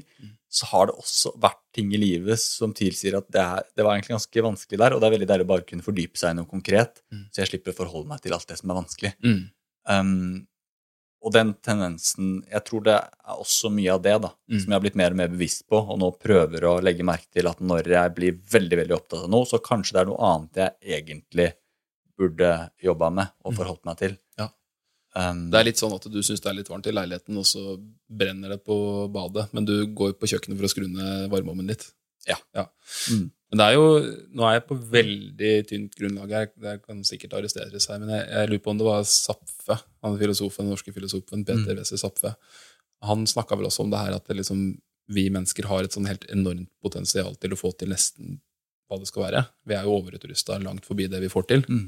Eh, og at når vi ikke klarer å få til noe, så, så fyller vi livet vårt med liksom, ja, det han kalte for trivialiteter. Da, altså ting som Mm. egentlig ikke er så viktig. Eh, og han har jo et sånt bilde på det her. Det er liksom eh, reven som har lyst på, eh, på rognebær, og så står den og hopper og prøver å komme seg opp, men rognebæren er litt for høyt oppe. Og så hadde den kanskje klart det hvis den hadde strukket seg litt mer, men han får det ikke til, så han gir opp, og så sier jeg æsj, de er meg sur uansett, på en måte. Men det er jo han snakka vel også om at liksom, vi mennesker fyller livet vårt med trivialiteter som den gangen var kanskje liksom eh, kabareter og teater og ting som ikke var så veldig farlig. da. I dag er det kanskje mer Netflix og sånn, eller et prosjekt, sånn som du sier. da. At man, man tar noe man har litt kontroll på, eller som i hvert fall distraherer deg. Så det, det skal jo sies, det her har ikke vi prata om før. Ja, jeg tror det handler om at du tar kontroll på det. Ja, du har, du har veldig mange ting i livet ditt som er litt svevende og litt skummelt. og Ja. mm. Og så er det lettere å ta kontroll på det. Det er litt du- sånn mange gjør med jobb også. De, liksom, de bruker det å Hvis ting er litt vanskelig hjemme, også, at man kanskje fordyper seg veldig i arbeidet sitt, for at det er faktisk noe du får til. Og, Mm. Mm. Ja, ja det, det er jo veldig vanlig. altså Det er ikke bare jeg som driver med det her. Nei. Veldig veldig mange folk driver jo med det her. Ja. uh, Å flykte inn i noe som eh, er komfortabelt, og som man, uh, ja, som man kan flytte fokus over på. det er påfallende at du har jo ikke dyrka så mye tomater etter at Amund ble frisk. Nei. Ingenting. Det er, det er jo eh, Du har jo eh, du har, men, men jeg tenker jo også sånn eh, Det virker jo som du har blitt mye mer balansert i der. og har vært, Vi har jo prata mye om det her eh, uten mikrofon til stede, om at du på en måte har jo jobba med det å kunne sette litt mer pris på å bare gjøre ting for tingens egen del. Mm. Eh, du klatrer jo mye nå, og du har jo blitt veldig opphengt i det. Eh, du, du er jo det, men, men jeg opplever jo at du er ikke manisk på det. Nei. Men jeg merket i sommer så hadde jeg en liten periode hvor jeg kanskje var eh, altså Nå bruker vi jo manisk over en lav sko her, da, Ja, så ja, ja. vi mener jo ikke manisk som i, som i, som i bipolar, men, men eh, måte, alt foregår på et spekter her, ikke sant? fra lite til ekstremt. Og et eller annet sted på det spekteret er det jo klart at jeg også er. Um, men uh, jeg var nok ganske um, ganske intenst med klatring en stund i sommer. Da jeg hadde et veldig konkret mål. Jeg skulle klatre Presten i Lofoten. Mm. Og, og, og hadde jo ikke klatra så veldig mye før det. Så, så jeg, begynte, jeg liker jo det. det. Det er jo noe jeg liker. ikke sant? Og, Og for ordens skyld så er det snakk om en klatrerute på et vanskelig fjell, og ikke en menneske med kjortel og prestekrage. ja, ja. og så setter du dine egne sikringer. Altså det, er jo, det gjør det jo også litt at det oppleves skumlere å skulle falle. Så Ja. du har jo lyst til å føle at du, du klarer vanskelighetsgraden. Ja. Eh, Men uh, i forkant av det så var jeg ganske intens. Da tok det mye fokus. Da merket jeg litt den derre Oi, nå er jeg på veien i- vei inn i samme modus som jeg var da jeg holdt på med triatlon. Mm. Um, og da, Det er litt deilig, men det er også litt skummelt, fordi jeg mister litt kontakt med den verden jeg egentlig har blitt veldig komfortabel med nå. Ja. Som er det livet jeg har, med Mm. barn og, og, og kone og, eh, og, og, eh, og jobben min. Mm. Altså, jeg, jeg liker det. Jeg kan kalle det gjerne A4-livet, men jeg liker det. Eh, og, men når jeg går inn i den bobla, så, så begynner jeg å se på det som meningsløst. Mm. Og tenke at nei, men alt som er mening, er det her. Ja. Blir litt bedre i klatring Ja, eller triatlon, eller hva det måtte være. Eller tomater. så jeg, jeg merker jo fort at jeg går inn i det moduset, Mm. hvis jeg har muligheten. ja, ja, ja. Men, eh, men eh, jeg husker vi starta jo å prate med Lars med å spørre liksom, hvor er du i livet ditt nå. Og så fikk vi et svar nå. Nå har vi jo tatt eh, en tur gjennom karrieren din, og vi har hoppa litt fram og tilbake og snakka litt om, om livet. Mm. Eh, hvis jeg stiller spørsmålet en gang til, da. Hvor er du i livet ditt nå? Mm, hvor er jeg i livet mitt nå? Um, jeg Uh, Jeg er på et bra sted i livet, sånn, sånn kort, kort fortalt. Ja. Jeg er på et eh, bra sted i livet. Uh, jeg føler meg Jeg er ganske sånn Opplever at jeg klarer å liksom Klarer å finne en balanse, da. Mm. I, eh, I alle disse prosjektene mine. Eh, balanse mellom det å sant, familiefar, egne prosjekter, selvdyrking, dyrking av Eller, eller det å vie tiden sin til andre. Um, og, og har jo funnet ikke sant? Jeg jeg er veldig, veldig trygg da, i livet mitt nå. Mm. jeg har en trygg jobb som jeg føler jeg får til bra. Jeg har gode kollegaer, jeg har gode venner. Jeg har liksom, livet mitt har falt skikkelig på plass. Mm. Eh, Og det må jeg si, det er jo veldig deilig. Det betyr jo ikke at det ikke går, har, at jeg ikke har opp- og nedturer. Mm. Eh, Det har jeg absolutt. Men jeg er på et bra sted i livet. Mm. Um, Hvis du skal eh, Jeg tenker jo nå, nå i disse dager så sitter vi jo er november. Eh, Akkurat blitt november. Mm. Og veldig mange har akkurat fått beskjed om at de skal få lov til å kjøre Norseman neste år. ja. Eh, og gratulerer til alle dere. dere, dere er, det er en fantastisk, et fantastisk år, som, eller ikke år, men det er fantastiske måneder som venter dere, og det er en fantastisk opplevelse som venter dere. Og vi gratulerer alle sammen. Eh, men hvis du skulle liksom gitt et råd, og nå snakker vi ikke til eh, Jon Breivoll og, og, og de gutta og jentene som skal kjøre kjempefort, men hvis du skulle gitt et råd til alle andre som skal ha hvit eller svart T-skjorte, og, og skal prøve å balansere livet sitt på en bra måte, hvordan er det, hvilke råd vil du gi for at de skal få en fin reise for seg sjøl og for de rundt seg inn mot Norseman? Hmm. Det er lettere sagt enn gjort, da. Men jeg tenker, ikke glem at det her bare er lek. Mm. Det, er, det er bare lek. Ja, Og det er ingen andre enn deg selv som bryr deg om hvordan det går. mm. Man har en tendens til å tenke, spesielt når man legger det på sosiale medier, og tenke at det er så mange som bryr seg, og nå skuffer jeg andre. Den eneste du skuffer, er deg selv. Mm. Uh, til og med når du, når du har sponsorer, så er det først og fremst deg selv du skuffer. Mm. Uh, så ja, husk at det er en lek. Mm. Um, det er kanskje det beste rådet jeg har. ja, men det er fint, det. Men jeg har et spørsmål til deg. Ja. Eller var du, du var veldig klar for å runde av nå, var du ikke det? Nei, nei, altså, vi, vi, vi har ikke noe mandat her på tid. Det er bare å kjøre, da. jeg jeg har et spørsmål til deg, for du har jo vært en av forbildene mine i nettopp det her å klare eh, en balanse, da. Bortsett fra perioder hvor jeg har tenkt faen for en idiot som ikke, som ikke satser. har, du ikke, har du null prioritering i livet, mann? men, nå, men nå fra et, fra et eh, Stort sett så har jeg hatt deg som forbilde i nettopp det å klare å balansere og klare å sette pris på alle disse eh, disse små tingene som livet har å by på, uten at det innebærer å skulle heve deg opp og bli dritgod, men bare klare å nyte og holde på med ting. da. Ja, takk. Det er hyggelig, å- det er hyggelig å høre, da. Ja, ja for det, det jeg opplever, det, det er jo du et, ja, et forbilde, helt klart for meg, og du er dritgod på det. Um, hvordan får du til det?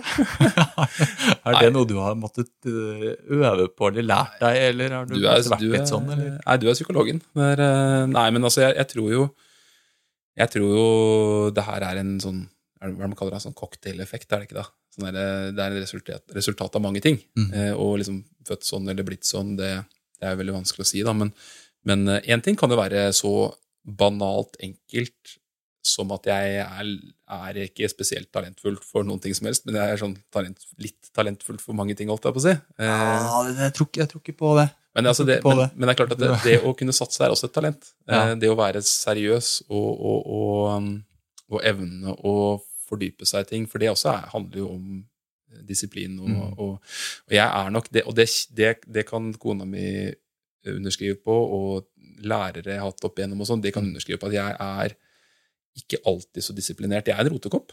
eh, Men jeg er, jeg er en disiplinert rotekopp. Mm. Eh, Så på det, liksom, det, det tror jeg er en del av forklaringen. At jeg også har Jeg, jeg har jo ikke sånn short attention span, liksom, men, men jeg, jeg sliter med å, Mm. med å på en måte lenge fokusere på noe. Mm. Det syns jeg er veldig vanskelig. Eh, men jeg er jo sammenligna med liksom det gjennomsnittlige mennesket, så tror jeg nok jeg evner å, å fordype meg veldig i noe. Så at kona mi vil nok oppleve at jeg har jeg har dettet veldig dypt inn i en del sånne kaninhull når det gjelder eh, at vi har vært på ballett og sett på Svanesjøen. Da er det, da er det å dykke inn i alle YouTube-klipp som fins av Svanesjøen, som, som er tilgjengelig. Ja, stemmer du, for du har jo den der. ja, det, jeg, har, jeg, har litt av, det. jeg er ganske lik deg på mange Ja, måter, men ja. jeg er på en måte, du er på 100% og jeg er på 80 80, ja.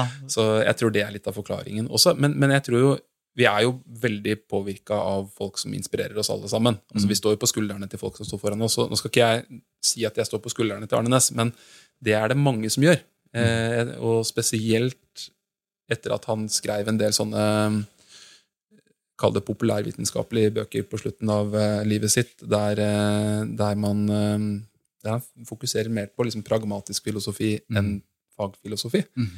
Og han skriver jo i en sånn bok som jeg anbefaler absolutt alle å lese, uansett bakgrunn. Det er Den heter Livsfilosofi. Relativt lettlest bok. Den ligger faktisk på bordet her nå. Eh, Jeg har lest den mange ganger. Ligger også solid- Lettlest, men rotete. Veldig ustrukturert. Det bærer preg av at han har veldig mye han skal ha sagt. Ja. Den er, den, det er en redaktør som har vært med og, og hjulpet han litt der. Eh, jeg lurer på om det er han Per Ingevar Haukeland, mm. filosof, som har, som har strukturert opp litt, men den er veldig springende. Men, men det som er fint med den boka, og det, det er jo akkurat det der å være en livskunstner Han skriver veldig mye om det, trekker fram, eh, lurer på om det var kong Olav han trekker fram, som evna å liksom se det store i det små. Og det er jo en sånn key takeaway fra Arne Næss og det som er hans livsfilosofi. Det er liksom for det første finn din sti, men det er jo ikke noe som er unikt for han. Det er noe nesten alle filosofer har vært enige om. Du må bli kjent med deg sjøl og erkjenne deg sjøl.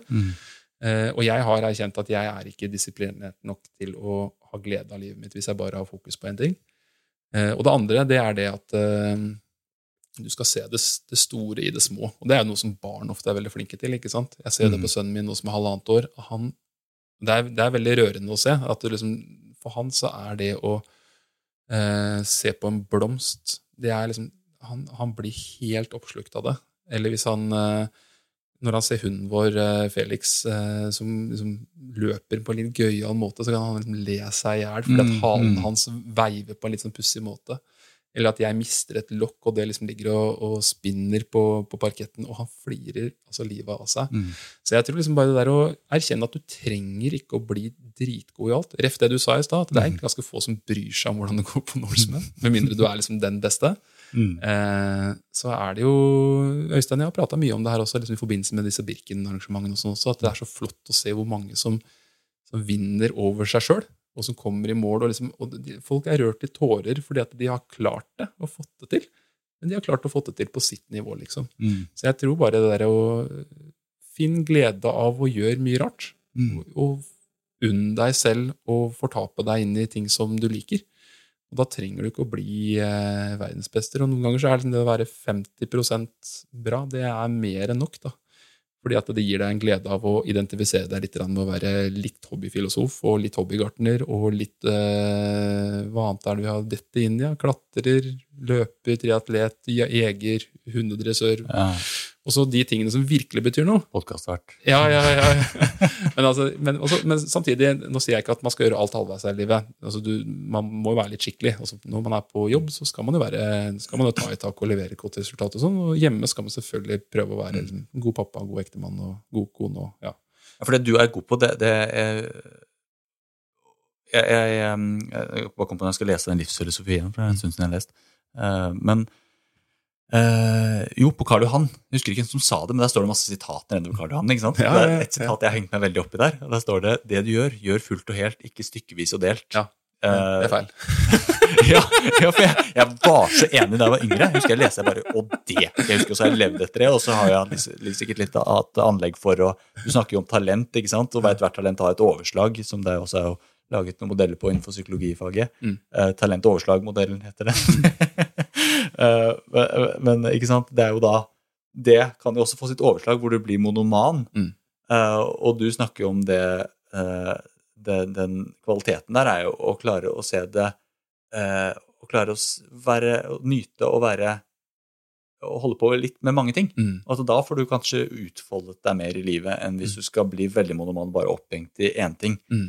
Um, Og det, og, det tror jeg, jeg tror det er så sant. Og så som du sier, også se det store i det små, sånn som små barn er veldig gode Mm. på. ja. Eh, Det er også helt eh, Det er magisk med mine barn å se jo det. Eh, Det er jo helt Da bare skjønner du at de, de har skjønt noe som jeg har glemt. Ja. Uh, og det Ja. Det er, det er, og det er, hvis vi skal liksom komme med en sånn oppfordring til slutt, da. bare apropos vi er, hvor vi er nå, Lars, og sånn, og liksom hva, hva vi driver med akkurat nå. For at jeg tror også at det å se det store i det små, og være litt til stede og, og, og kose, seg med, kose seg med mange ting, det, det handler jo også om å eliminere en del ting. Eh, Så hvis vi skal avslutte det her, så er det jo litt sånn på en hytte sånn som vi sitter i dag. Det er dårlig mobildekning. Mm. Det er eh, ikke strøm. nei, vi, har ikke, vi har ikke strøm nok på telefonene våre til å spille noe musikk. Eh, vi har med oss en ukulele og en gitar. Mm. Eh, og vi sitter stort sett og prater, leser, rusler en tur, holde kjeft. Det er det vi gjør her. Og, Har vi holdt så mye kjeft? Nei, egentlig ikke. Men vi, vi må gjøre det etter vi har holdt spilt inn der. Men ikke sant? her på en sånn hytte her, så blir det å koke en kopp kaffe det blir en begivenhet. ikke sant? Det å hente vann borti brønnen her, det er, en, det er et prosjekt. Det å lufte bikkja og rusle ut med ham, det er en prosjekt. Sånn at eh, det er lettere å sette pris på det å gjøre forskjellige ting her enn det er hjemme. ikke sant? Mm. Så jeg, jeg, hvis vi skal avslutte med det, det har vært en veldig fin prat, Lars. Eh, vi har pratet, det var egentlig meningen at vi skulle prate mest om idrett og karriere og, og, og satsing og alt sånt. Egentlig heldigvis så ble det ikke så mye prat om trening og terskelvatt og Nei, det, ikke- det syns jeg ikke er så interessant lenger. Nei, og, Nei. og veldig behagelig. Jeg merker at en del av de temaene vi snakker om i dag, det skal vi følge opp seinere. Ja. Eh, får vi med oss Øystein også. Og så um, Ja, jeg tenker bare sånn, prøv å Key takeaway i dag. Prøv å liksom zoome litt ut, se på livet ditt utenfra, og se liksom hva er det som faktisk er viktig. Det er, det er å leve et rikt, fint liv. Og det, det tror jeg både du og jeg eh, prøver i hvert fall begge to å gjøre. Det gjør vi. Og så må jeg bare helt sånn avslutningsvis så må jeg bare si at jeg jeg sa innledningsvis at det hadde vært slitsomt hvis du hadde på den intervjuerhatten. Altså jeg brukte. Men jeg, jeg må si det, har vært, det er så behagelig når du bare styrer samtalen, så kan vi fortsette denne, de- denne formen etterpå også. Vi må fortsette denne veldig strukturert og behagelig. Ja, vi får se. Nei, men Tusen takk til alle som har hørt. Ta og Lag en eh, fin dag. Ta vare. Og så ses vi snart. Nå må vi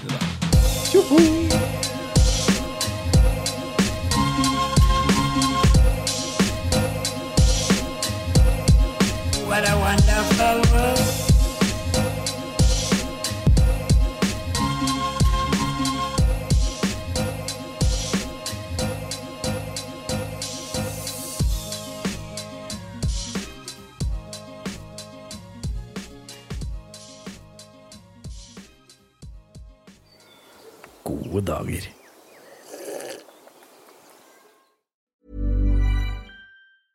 Hey, it's Paige DeSorbo from Giggly Squad. High quality fashion without the price tag. Say hello to Quince.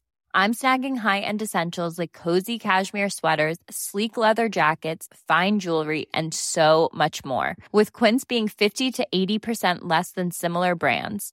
And they partner with factories that prioritize safe, ethical, and responsible manufacturing. I love that. Luxury quality within reach. Go to quince.com slash style to get free shipping and 365 day returns on your next order. Quince.com slash style.